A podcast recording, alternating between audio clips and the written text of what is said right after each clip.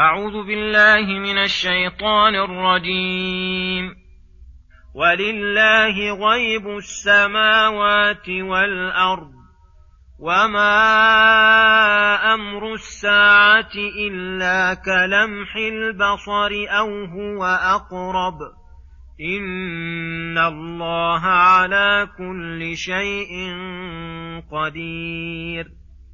والله أخرجكم من بطون أمهاتكم لا تعلمون شيئا وجعل لكم السمع والأبصار والأفئدة لعلكم تشكرون ألم يروا إلى الطير مسخرات في جو السماء ما يمسكهن إلا الله إن في ذلك لآيات لقوم يؤمنون والله جعل لكم من بيوتكم سكنا وجعل لكم من جلود الأنعام بيوتا تستخفونها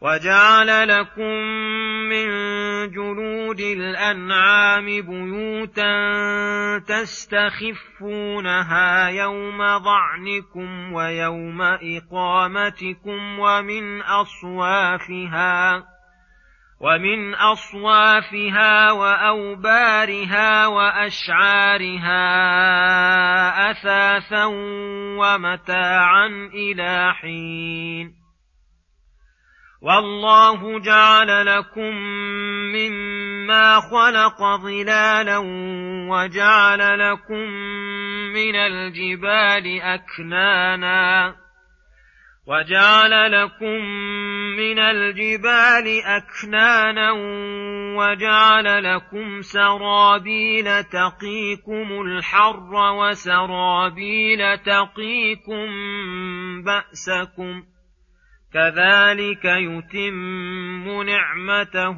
عليكم لعلكم تسلمون فان تولوا فانما عليك البلاغ المبين يعرفون نعمه الله ثم ينكرونها واكثرهم الكافرون السلام عليكم ورحمة الله وبركاته. بسم الله الرحمن الرحيم. يقول الله سبحانه وتعالى: ولله غيب السماوات والأرض الآيات. أي هو تعالى المنفرد بغيب السماوات والأرض، فلا يعلم الخفايا والبواطن والأسرار إلا هو، ومن ذلك علم الساعة، فلا يدري أحد متى تأتي إلا الله، فإذا جاءت وتجلت لم تكن إلا كلمح البصر أو هو أقرب. من ذلك فيقوم الناس من قبورهم إلى يوم بعثهم ونشورهم. وتفوت الفرص لمن يريد الإمهال. إن الله على كل شيء قدير. فلا يستغرب على قدرته الشاملة إحياؤه للموتى. ثم يقول تعالى والله أخرجكم من بطون أمهاتكم لا تعلمون شيئا. الآيات. أي هو المنفرد بهذه النعم حيث أخرجكم من بطون أمهاتكم لا تعلمون شيئا ولا تقدرون على شيء ثم إنه جعل لكم السمع والأبصار والأفئدة.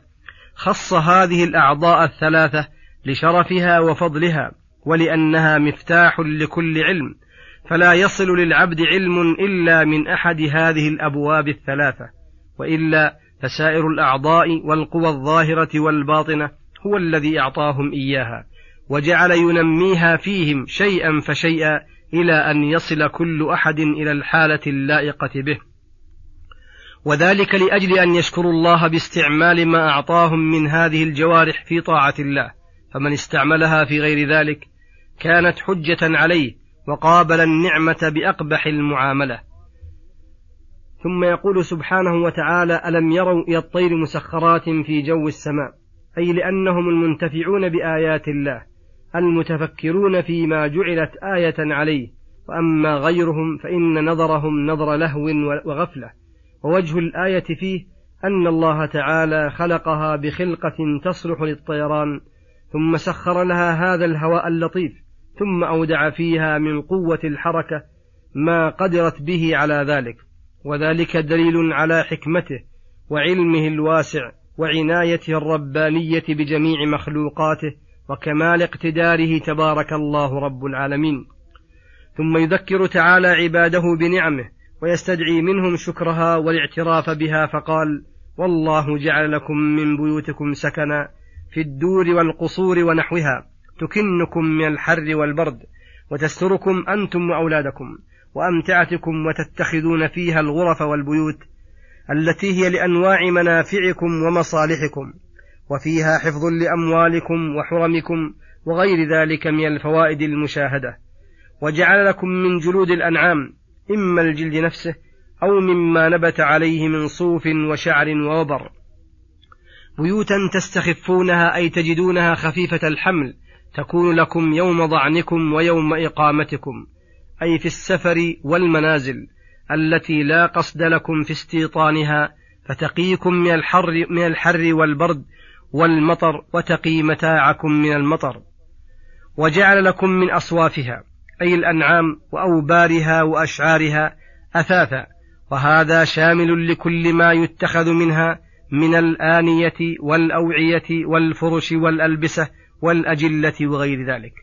ومتاعا إلى حين أي تتمتعون بذلك في هذه الدنيا وتنتفعون بها فهذا مما سخر الله العباد لصنعته وعمله.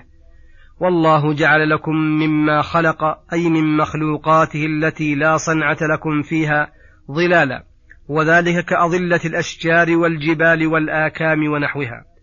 وجعل لكم من الجبال أكنانا أي مغارات تكنكم من الحر والبرد والأمطار والأعداء.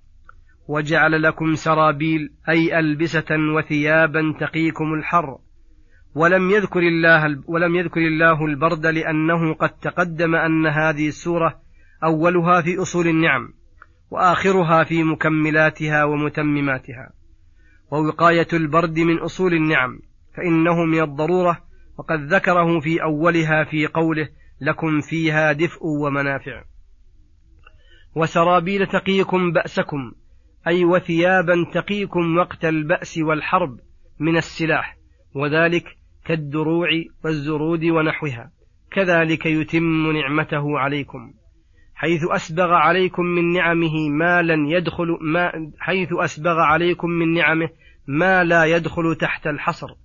لعلكم إذا ذكرتم نعمة الله ورأيتموها غامرة لكم من كل وجه تسلمون لعظمته وتنقادون لأمره وتصرفونها في طاعة موليها ومسديها. فكثرة النعم من الأسباب الجالبة من العباد مزيد الشكر والثناء بها على الله تعالى. ولكن أبى الظالمون إلا تمردا وعنادا. ولهذا قال الله عنهم فإن تولوا عن الله وعن طاعته بعدما ذكروا بنعمه وآياته فإنما عليك البلاغ المبين. ليس عليك من هدايتهم وتوفيقهم شيء بل أنت مطالب بالوعظ والتذكير والإنذار والتحذير فإذا أديت ما عليك فحسابهم على الله فإنهم يرون الإحسان ويعرفون نعمة الله ولكنهم ينكرونها ويجحدونها. وأكثرهم الكافرون لا خير فيهم وما ينفعهم توالي الآيات لفساد مشاعرهم. وسوء قصودهم سيرون جزاء الله لكل جبار عنيد كفور لكل جبار عنيد كفور للنعم متمرد على الله وعلى رسله وصلى الله وسلم على نبينا محمد وعلى آله وصحبه أجمعين وإلى الحلقة القادمة غدا إن شاء الله. السلام عليكم ورحمة الله وبركاته.